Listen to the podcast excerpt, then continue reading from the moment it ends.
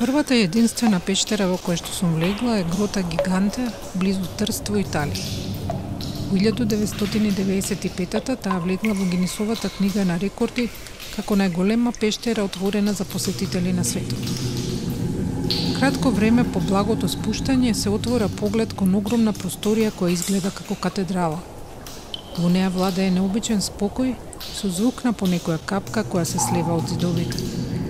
Паралелен свет во кој човек се чувствува како поблизу до нешто мокно што царува со подземјето, некоја мистична сила која ги изваела сите овие облици и која е незаинтересирана за животот над земјата.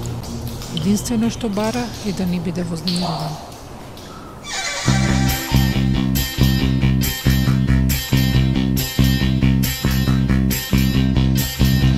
Јас сум Илнеја Кимовска. Во оваа епизода од подкастот Обични луѓе ќе зборуваме со човек кому под земја во мракот, среде карпите и сталактитите, се чувствува пријатно и безбедно. Надземја пак со својот тим често учествува во спасување на луѓе залутени или повредени во планини. Така и слушнавме за него кога медиумите неодамни известија за таква спасувачка акција близу Прилеп. Спелеологот Дарко Недановски мајка ми, татко ми, да, уште како мал најмногу мајка ми, така, ама зашто, нели, влегуваш натре, а, ш, дали нема некој друг нормален спорт, нели, да вежбаме и тие прашања ги имаше. Да, кај го најде то. И, но има поддршка тука и од татко ми, затоа што и татко ми, нели, беше е, член на, на Златоров на клубот. И, иако е тој, нели, се занимаваше конкретно со планинарство, но ги знаеше сите постари луѓе на негова генерација кои што ми беа тренери, нели, и знаеше дека нели тоа е безбедна техника која што ја користиме и нели истражуваме таму долу. Прв пат на 12 години влегов во пештера, беше тоа е мислам од клубот ми ја организираа и тоа е во село Ревоец, Рамниште се вика пештерата. Тогаш за прв пат влегов во пештера. Денес тоа некогаш 12 годишно момче е спелеолог, инструктор и спасувач – човек кого сакате да го имате крај себе ако некогаш влезете во пештера, се симнувате во пропасти или сакате да дознаете нешто повеќе за тоа што е спелеологија. Спелеологија е наука за изучување на, на пештерите и пропастите, а спелеолог е човек кој што се занимава со истражување дали од научен аспект или од спортски рекреативен аспект, аспект за да ги истражува, да ги посетува пештерите, нели да документира, да скицира, да работи со single rope техники, тоа се техниките на единечно јаже, кои што треба да ги знаеш за да можеш да се спуштиш долу. При истражувањето на пештерите секогаш е различно. Најпрво нели треба да си со некој искусен спелеолог кој што долго време се занимава со тоа дали од научен или спортски карактер, затоа што секоја пештера е различна. Немаме некаква дефиниција дека мораме според овие правила да влегуваме внатре. Да, мислам, имаме правила кои што ги користиме како кодекс нели, што каква опрема треба да користиме, колку часови би се задржале внатре, храна, кого да го известиме, затоа што долу во подземниот свет, каде што нема никаков сигнал, мораме да внимаваме на сите работи. Искуствата и вештините се стекнуваат постепено со, со тоа како продолжуваме да работиме и да истражуваме и да се надоградуваме самите себе си. И затоа се потребни основните принципи на, на запознавање на пештерите, на спелеологијата, па се до основни принципи за користење на е, техниката на единечно јаже и сите тие алатки и појаси кои што ги користиме за да се спуштиме во одредени пропасти, затоа што кај нас како поим пештера, е, значи кога влезот на пештерата е хоризонтален, а пропаст значи кога влезот на таа пештера е вертикален. Значи мораме прво да се спуштиме со јаже, па потоа нели има ходници кои што би се движеле и канали за да продолжиме внатре. Кои вештини треба да ги поседува оној кој сака да се занимава со спелеологија? Дали е пресудна физичката спремност? Физичката и тука би го спомнал тоа и психичкиот момент, затоа што тие одат заедно. Како мал доста често знаевме да така како со другарите кои што почнувавме да не фати некаква кластофобија или да размислуваме што ако се одрони, не знам, дел од карпата или некако парче камен, но со тек на време сваќаме дека тоа уствари е природата која што е создадена таква по природен пат, дека се тие принципи кои што треба да ги изучуваме ние за да знаеме во кој дел каде да поставиме сидриште, каде да се спуштиме и како би можеле да ги толкуваме и да ги знаеме значењето на, на таа карпа која што се наоѓаме таму долу внатре. При разговорот Дарко често употребува термини за кои никогаш немаме слушнато. Сидриште, асендер, десендер. Го замоливме да ни ги појасни. Single rope техниката или техниката на единечно јаже потекнува од Франција. Од француската наука, каде што веќе долги години, десетици, десетици години пред нас луѓе работеле професионално да ги истражуваат тие работи, се со цел да ја олеснат работата при истражувањето, за да може со што помалце опрема нели да се да се слезе да, или да се спушти што подлабоко. Техниката на единечно јаже се работи со едно јаже, без осигурително јаже. Тоа значи дека мораме многу внимателно и професионално да ги избираме сите места каде ние бушиме во карпата, затоа што кога слегуваме надолу ние бушиме дали со бормашина или со рачено рачен борач во карпата, ставаме нели штраф, типлон, потоа борка и е, така правиме чвор на јажето и нели тоа го наставуваме за да се што е можно подолу да слезиме. Потоа тука се и алатките кои што што ги користиме, имаме нели асендер, десендер, нели алатки за спуштање и за качување Кога се качуваме користиме рачна спонка, гранна спонка и ножна спонка. Тука е и нели дводелниот појас кој што е составен од главниот појас и, и граден појас. Uh, и за за спуштање користиме uh, десендер, дали стоп десендер, симпл десендер, веќе има различни десендери на алатки и фирми кои што ги изработуваат тие алатки за спуштање. Како изгледа тоа десендер? Десендер изгледа една направа која што ја користиме во левата рака, каде што има две макари, тоа се не две тркалца кои што низ него го пронуваме јажето, потоа го осигураме, со додаваме уште еден помошен карабинер на него, кој што е се веќе претходно закачани на нашиот централен карабинер кој што го имаме составен на појасот, и самото јаже прави протривање низ тие макари и така се спуштаме надолу.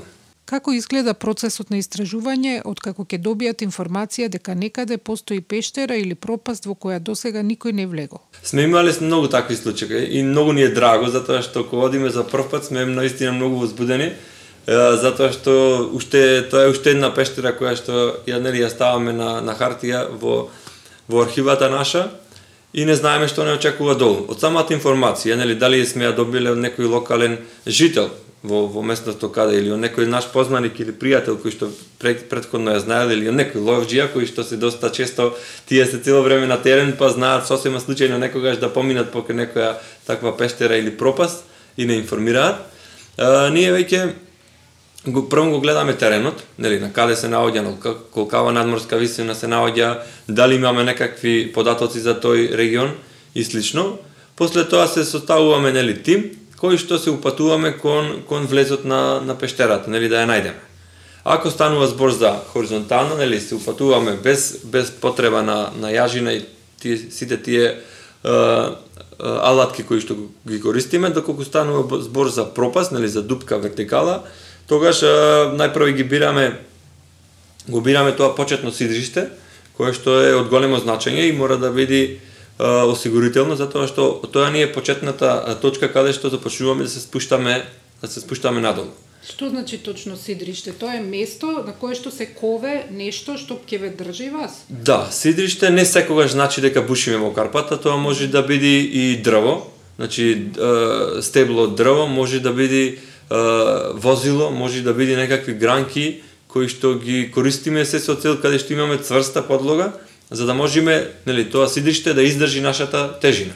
Затоа што ние по него и треба да се спуштиме прво и да се искачиме, нели. За секој човек поединечно сидриште? Uh, не, на не, на едно сидиште одиме сите. Затоа е таа техника, нели, единечно јаже, со едно јаже да се спуштиме сите, без разлика дали сме двајца, тројца, пет, десет луѓе, сите а, се значи, спуштаме по едно. Ед, еден човек едно јаже, туку Сите на едно. Да, сите на едно и така се префрламе. Значи на секој 15, 20 или некогаш и на многу помала а, разлика а, должинска затоа што исто така техниката на единечно јаже а, едно од, од правилата е дека не сме јажето никаде да трија.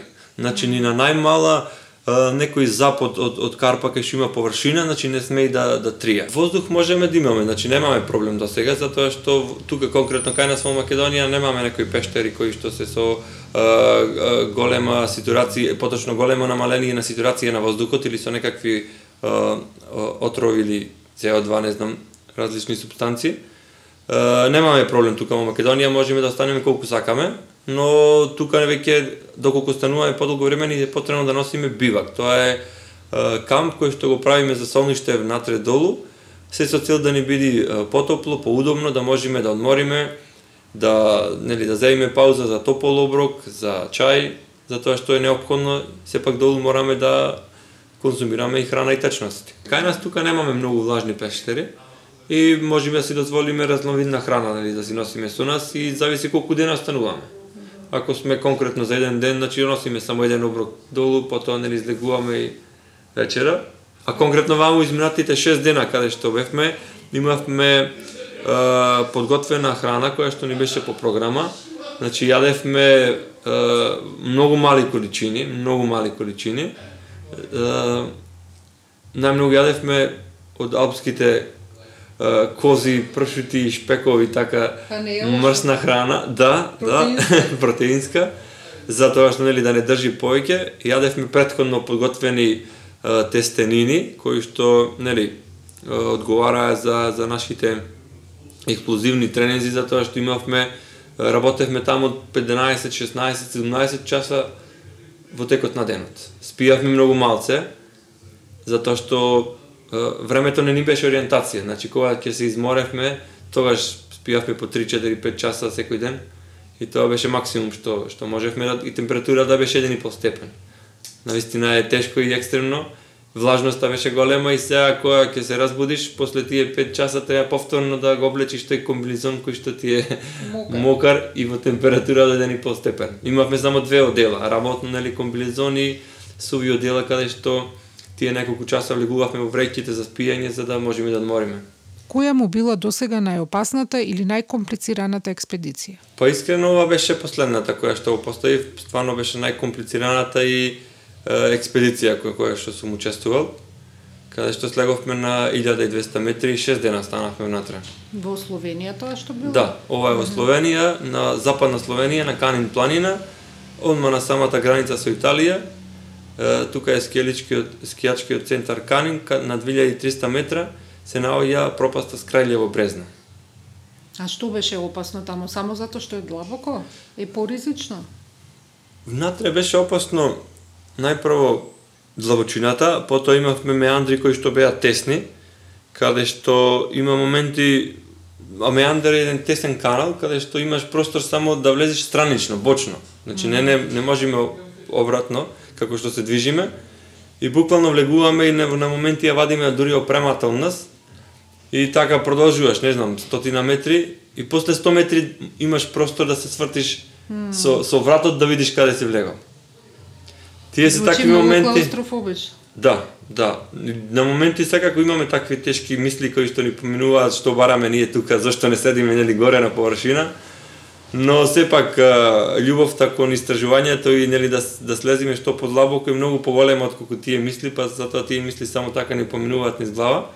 И мора многу да се внимава тој дел затоа што доколку направиме еден погрешен чекор, едно погрешно движење, пример еве десната рака ја движам за 10 сантими напред треба и една нели лева или десна нога различно да исто така да ја подкрем затоа што едно мало пролизгување во тие тесни канали заглавуваме. Во врска со спасувањето, што е потешко? Да спасуваш некого од подземја или од висока планина? Спасувањето во пештери е нешто што е најкомплицирано што може да се случи буквално во целата планета. Тука на површина без разлика дали ветар, снег, секогаш имаме многу материјално-технички ресурси, возила и хеликоптер, дури во случај нели при при несреќа нели бараме бараме тело, но таму долу ги немаме никакви најпрво немаме средства за комуникација. Е, многу тешки услови, многу малце ресурси е, и се одбираат строго професионални луѓе кои што со години се занимаваат во овие работи затоа што јас конкретно скоро секоја година посетувам конкурси, семинари, обуки, тренинг кампови, тоа кои што ни се задолжителни се да бидеме нели во тек со со сите тимови за да во случај вакви во случај во ваков да можеме сите да одговориме. Затоа што нема држава која што е подготвена да да, да има не знам 150-200 луѓе од таков кадар во, во еден момент. Најпрво ни е драго што можеме на некој начин да помагаме затоа што спасувањето е на е, хумана, прекрасна е, наука затоа што сепак одиш да му помогнеш на некого каде што тој човек во секој момент бара поддршка, бара помош.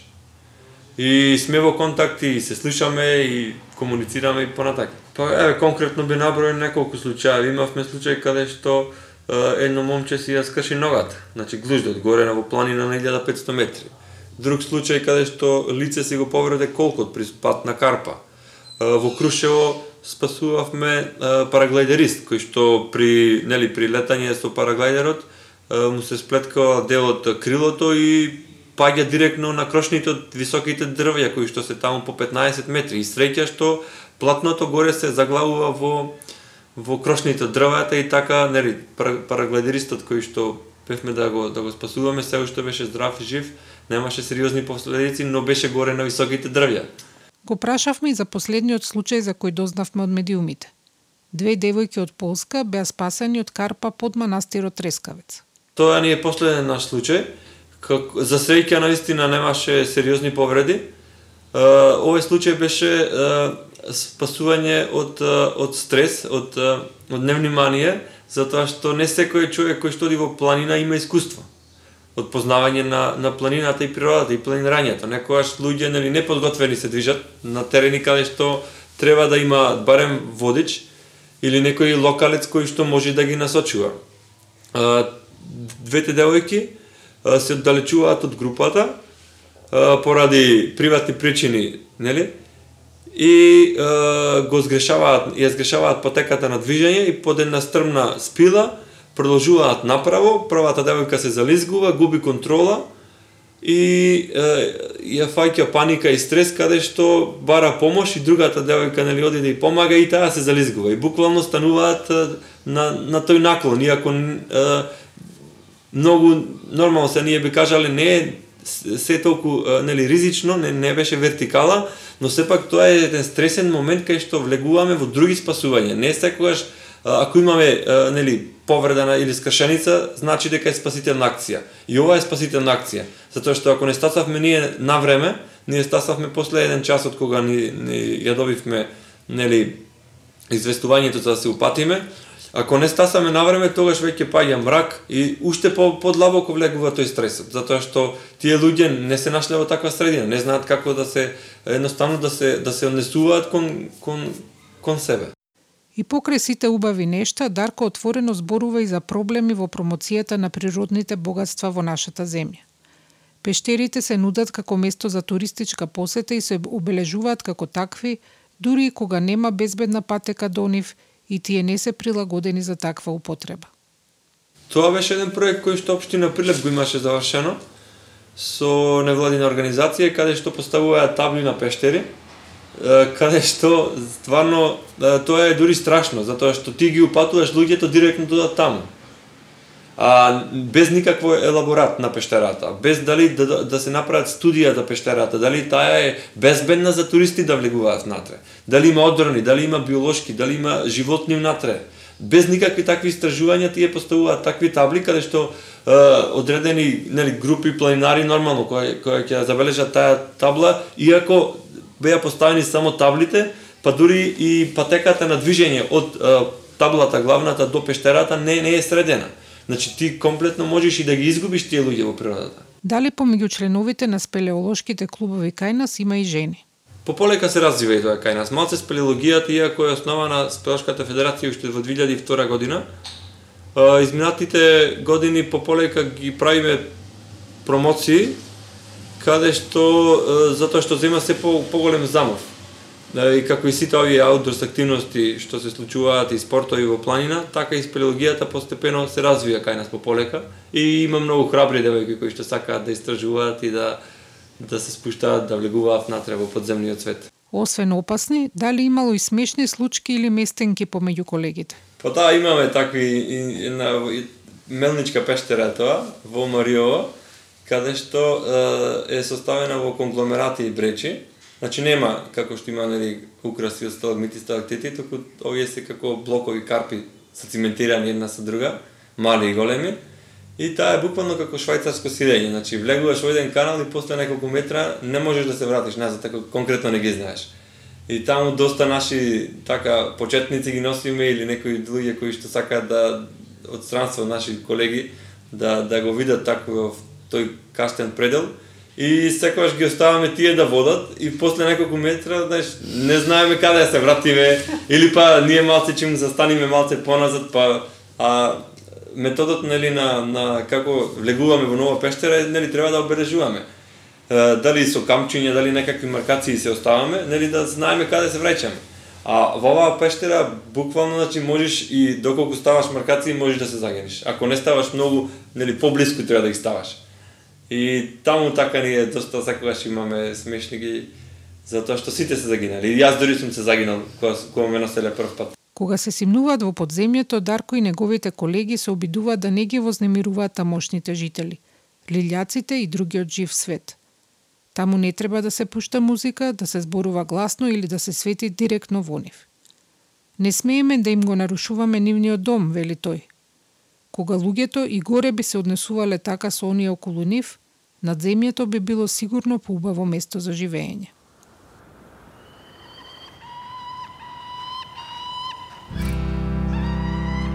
This world has ears and rocks have eyes. Nature loves to hide. World is a bush full of fiery eyes. Nature loves to hide. I've traveled a lot, I was observed. I was observed and unaware. I've traveled a lot unaware I was observed, I was observed.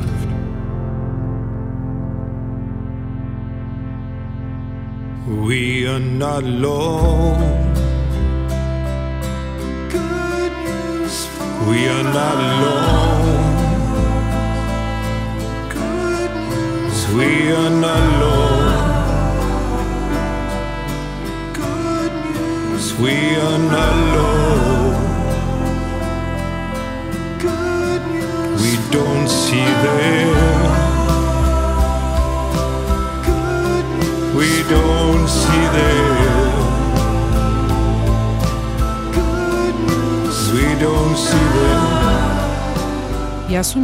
Сум аудиомонтажа Бојан Угриновски. Повеќе фотографии за досегашните истражувања и акции на Дарко, како и целосен транскрипт, можете да најдете на нашиот сајт обичнилуѓе.мк. Доколку сакате и самите да станете спелеолог, обратете се во Спелеолошката федерација на Македонија, чиј председател е токму Дарко. За оваа епизода користевме музика од човек со многу соодветно име, Ник Кейв. We don't see them. We don't see. We don't see